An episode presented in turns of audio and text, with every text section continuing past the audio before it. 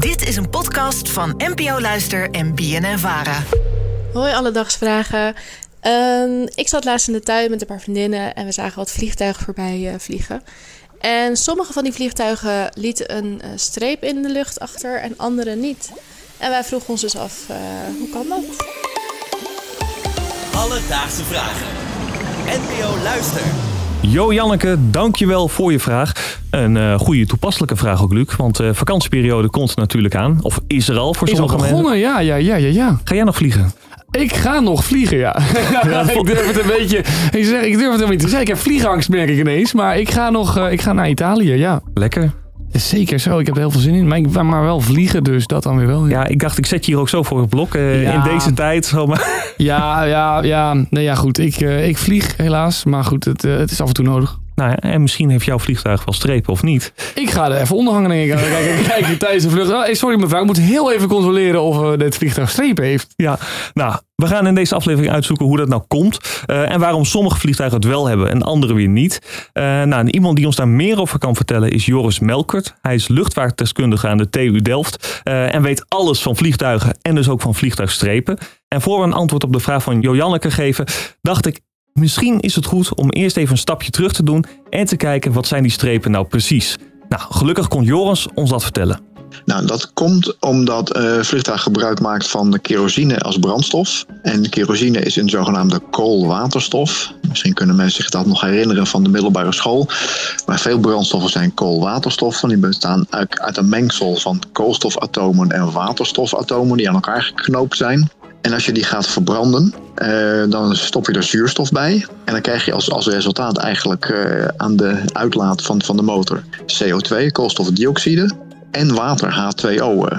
In feite wat er eh, gebeurt, eh, de buitenlucht is daar zo koud, echt denk aan tientallen graden onder nul, dat die waterdamp eigenlijk niet, niet eens condenseert, maar gelijk overgaat in, in ijs, ijskristallen. En die ijskristallen die zie je als witte strepen, dus eigenlijk zie je gewoon eh, ijsstrepen Ik had op de middelbare school vijf talen en geschiedenis en aardrijkskunde. En ik spijbelde altijd tijdens natuurkunde en scheikunde. Ik heb geen idee wat hier gezegd is. Nou, Luc, ik zal nog eventjes kort uitleggen. Eh, wat het dus eigenlijk is, die strepen die we achter vliegtuigen zien, dat zijn eigenlijk dus gewoon ijskristallen in de lucht. Oh, Dus het zijn gewoon ijsstrepen eigenlijk die je in de Oh. lucht ziet. En ik heb ook een mooie vergelijking op het internet gevonden. Ehm, ze vergeleken die strepen die achter een vliegtuig zaten eigenlijk met als het heel koud is en je ademt uit, dan zie je ook van die wolkjes. ja. Nou, dat is het eigenlijk, maar dan op hele grote schaal. Kijk, nice. Nou, we weten dus hoe die strepen achter een vliegtuig ontstaan. Maar we hebben nog geen antwoord op waarom bij het ene vliegtuig wel ontstaat en bij de andere niet. Daar was volgens Joris ook een verklaring voor. Nou, dit heeft te maken met de atmosferische omstandigheden. Eh, het moet inderdaad voldoende koud zijn eh, om meteen ijs te kunnen worden. Bijvoorbeeld als je op, op de vliegtuig na de start komt er natuurlijk ook waterdamp uit die uitlaat. Maar daar zie je geen witte want daar is het gewoon niet koud genoeg om meteen ja, eh, tot ijs eh, te, te worden. Eh, het moet ook zo zijn dat, dat het, de luchtvochtigheid, de lokale luchtvochtigheid moet binnen bepaalde grenzen zijn om dat goed voor elkaar te kunnen krijgen. Dus daarom zie je ze soms wel en daarom zie je ze soms niet. Maar sowieso op lage hoogte zie je ze niet. Alleen op grote hoogte waar het, waar het sowieso koud genoeg moet zijn. Alledaagse vragen. Ja, Luc, eh, jij zei het net al een beetje, je had een beetje vliegangst. Want, Ja, een beetje vliegangst, een beetje vliegschaamte inderdaad. want we weten natuurlijk allemaal dat eh, vliegen niet goed is voor de klimaatverandering. Dat hoef ik niemand te vertellen. Maar wist je ook dat die strepen, dat die ook specifiek niet goed zijn voor het klimaat? Niet waar, echt? Ja, nu ga ik me nog slechter voelen. Ja. wat, wat dan? Nou, dat komt omdat die strepen kunnen leiden tot het ontstaan van wolken. En welk effect dat heeft, dat legt Joris uit. Soms, als, als de weersomstandigheden daar goed voor zijn, zie je dat die strepen samen met het andere vocht wat in de lucht uitgroeit tot, tot een wolkendek. Dat noemen we dan een cirruswolk. Dus vliegtuigen kunnen eigenlijk een proces starten waarmee dat uitgroeit tot, eh, tot wolken. Die dragen wel bij eh, aan het klimaat, want dan heb je dus eigenlijk, leg je een beetje een soort deken over de aarde heen. Eh, en die, ja, aan de ene kant is zo dat die, die, is wit, dus hij straalt wat zonlicht terug. Hij weerkaatst wat zonlicht terug, dat is goed. Maar het feit dat hij die deken heeft, we houden de warmte op de aarde ook een beetje binnen. Dat kan dan minder het heelal eh, instralen. Dus netto heeft dat een, een opwarmend effect helaas. Die strepen die kunnen leiden tot wolkenvorming.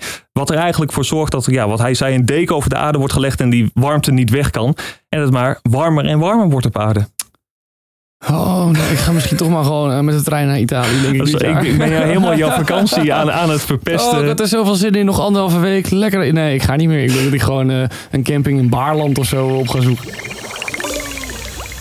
Dus, Jo Janneke, vandaag zochten we voor je uit waarom het ene vliegtuig wel strepen achterlaat en de ander niet.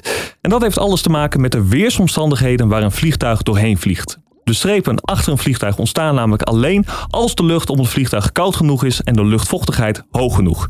Als die twee voorwaarden zijn, dan ontstaan die strepen. En zijn ze niet, ja, dan zie je een vliegtuig zonder strepen. Heb jij ook een vraag? Stuur ons dan een berichtje. Dat kan via Instagram naar Alledaagse Vragen. Maar je kan ook een mailtje sturen naar alledaagsvragen.bnnvara.nl en dan zoek ik het voor je uit. Alledaagse vragen. NPO Luister. BNN Vara.